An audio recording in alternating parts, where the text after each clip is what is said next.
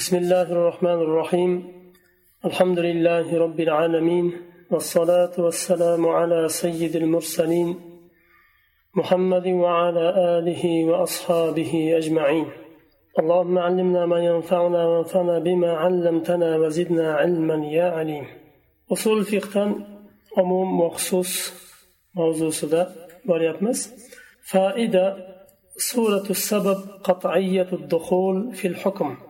وإن كان اللفظ عاما أجر لفظ عمومني إفادة قسهم sababni surati hukmda qat'iy kiradi hukmni nozil bo'lishiga bir sabab bo'lgan o'sha sabab bo'lib hukm nozil bo'ldi lekin hukm umum lafzi bilan nozil bo'ldi hukmni lafzi umumni ifoda qilsa ham sababni surati qat'iy kiradi hukmga ففي قصة ابنتي سعد بن الربيع لهما قطعا الثلثان إن علم أن الآية نازلة فيهما yuqorida biz sad ibn robi roziyallohu anhuni ikkita qizlari ularni meroslari xususida o'tgandik sad ibn robi roziyallohu anhu vafot qilganlarida ikkita qizlari qoladi va shu ikki qizni amakilari merosni olganda bu ikki qizni onasi ya'ni sad ibn robi roziyallohu anhuni ahli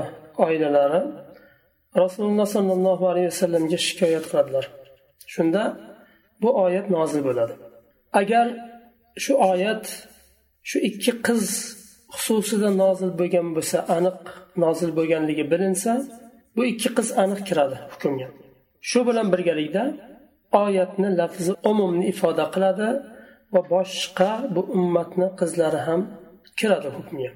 ومن هنا يعلم أن نصيب البنتين في الميراث الثلثان shu yerdan bilinadiki ikkita qiz qoladigan bo'lsa mayitdan keyin otasi vafot qilsa va ikkita qiz qoladigan bo'lsa demak u ikki qizni merosdagi haqqi uchdan ikki qismi bo'ladi merosni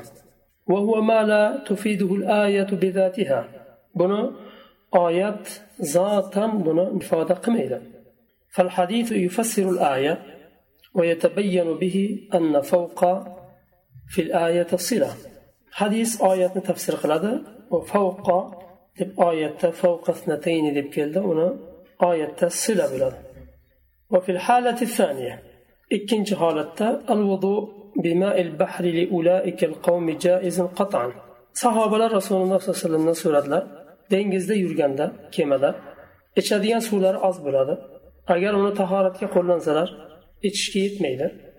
Shunda dengizni suvidan tahorat qilsak bo'ladimi deb so'raganlarida rasululloh sollallohu alayhi vasallam dengizni suvini tahur ekanini bayon qildilar.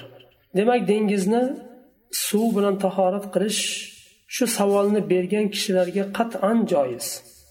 Chunki ular so'radi va shu javobni ular oldi. Chunki ularni so'rog'iga javob bo'ldi bu hadis. Savol berdi va shu javobni oldi ular.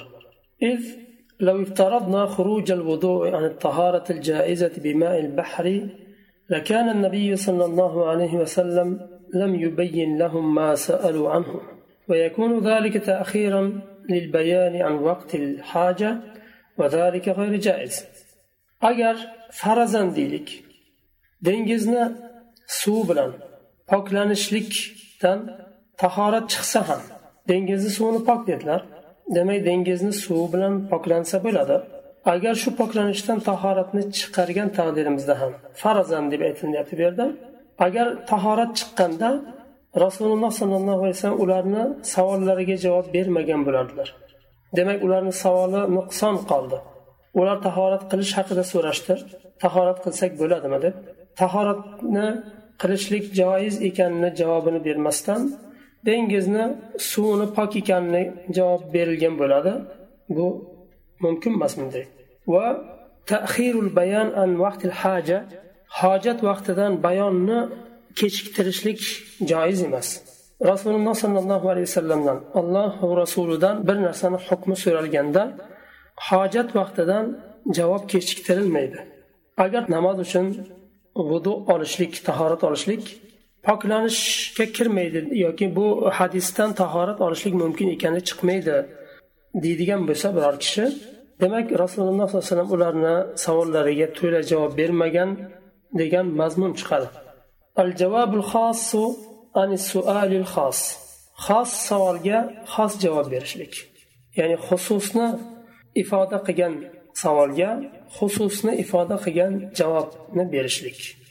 إن كان الجواب خاصا فإن القاعدة السابقة لا ترد ومثاله من القرآن قصة ضرب الحجاب على زوجات النبي صلى الله عليه وسلم حيث قال الله تعالى وإذا سألتموهن متاعا فاسألوهن من وراء حجاب الضمير عائد عليهن فلا يشمل من عداهن من النساء بمقتضى اللفظ.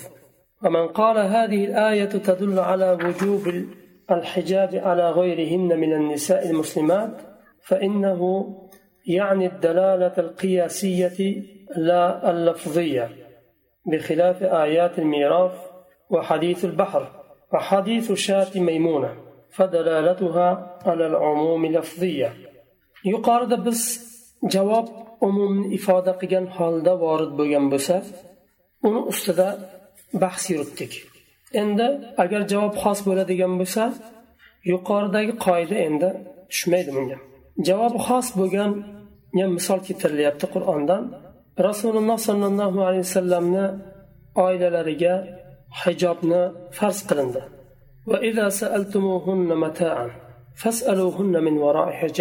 Alloh taolo mo'minlarga ta'lim berdi. Agar ulardan ya'ni ummahotil mo'mininlardan rasululloh sollallohu alayhi vasallamni oilalaridan biror narsani so'rasangizlar hijobni orqasidan so'ranglar. Bu yerda saaltumuhunna fasaluhunna domir rasululloh sollallohu alayhi vasallamni oilalariga ummahotil mo'mininga qaytyapti bu. Ulardan boshqa ayollarni o'zini ichiga olmaydi bu domir bu oyat. Ya'ni lafz o'zini ichiga olmaydi. Chunki lafz va ida saaltumuhunna deganda xususiy ummahotil mo'mininlarni aytilmayapti kim agar bu oyat boshqa ayollarga ham muslima ayollarga hijob vojib bo'lishini aytsa demak bu lafz dalolat qilgani uchun emas balki qiyosiy dalolat bilan aytgan bo'ladi. Ummahotil mo'mininlarga hijob vojib bo'ldimi? Boshqa mo'minalarga ham hijob vojib bo'ladi deb turib boshqa mo'mina ayollarni ummahotil mo'mininlarga qiyos qilgan holda aytilinadi. Lafziy dalolat bilan emas qiyosiy dalolat bilan. Meros oyatlarini xilofida meros oyatlari bu yerda umumni ifoda qildi. Xususni emas. Hadiful bahr dengizni suvini so'raganlarida rasululloh sollallohu alayhi vasallamdan u ham umum lafzi bilan vorid bo'ldi. Yoki maymuna roziyallohu anhoni qo'ylari o'lganda terisini olsanglar foydalansanglar bo'lmaydimi bo'lmasmidi deb so'raganlarida ayyuma ihabin dubig'a faqat tahura ayyuma ihabin har qanday teri deb turib teri hadisda umum qilindi faqatgina maymuna roziyallohu anhoni qo'ylari nazarda tutilmadi ومثاله من السنة أن عمر بن الخطاب رضي الله عنه قال للنبي صلى الله عليه وسلم إن عبد الله بن عمر طلق امرأته وهي حائضة فقال مره فليراجعها. فقد ورد الجواب خاصا فيحمل على الخصوص سنة مثال عمر بن الخطاب رضي الله عنه رسول الله صلى الله عليه وسلم يدلر عبد الله بن عمر u kishini o'g'illari ya'ni ayollarini hayz vaqtida taloq qildilar shuni rasululloh sollallohu alayhi vasallamga aytdilar nima bo'ladi hukmi shunda rasululloh alayhi vasallam buyurdilar murhu falyurajiha buyuring qaytarsin dedilar. Faqat varadal javobu xossan. Javob xos bo'lib borib bo'ldi. Umar ibn hattobni o'g'illari abdulloh ibn umarga xos bo'ldi javob murhu buyuring uni. Ya'ni abdulloh ibn umarni. Ayollarni qaytarsinlar.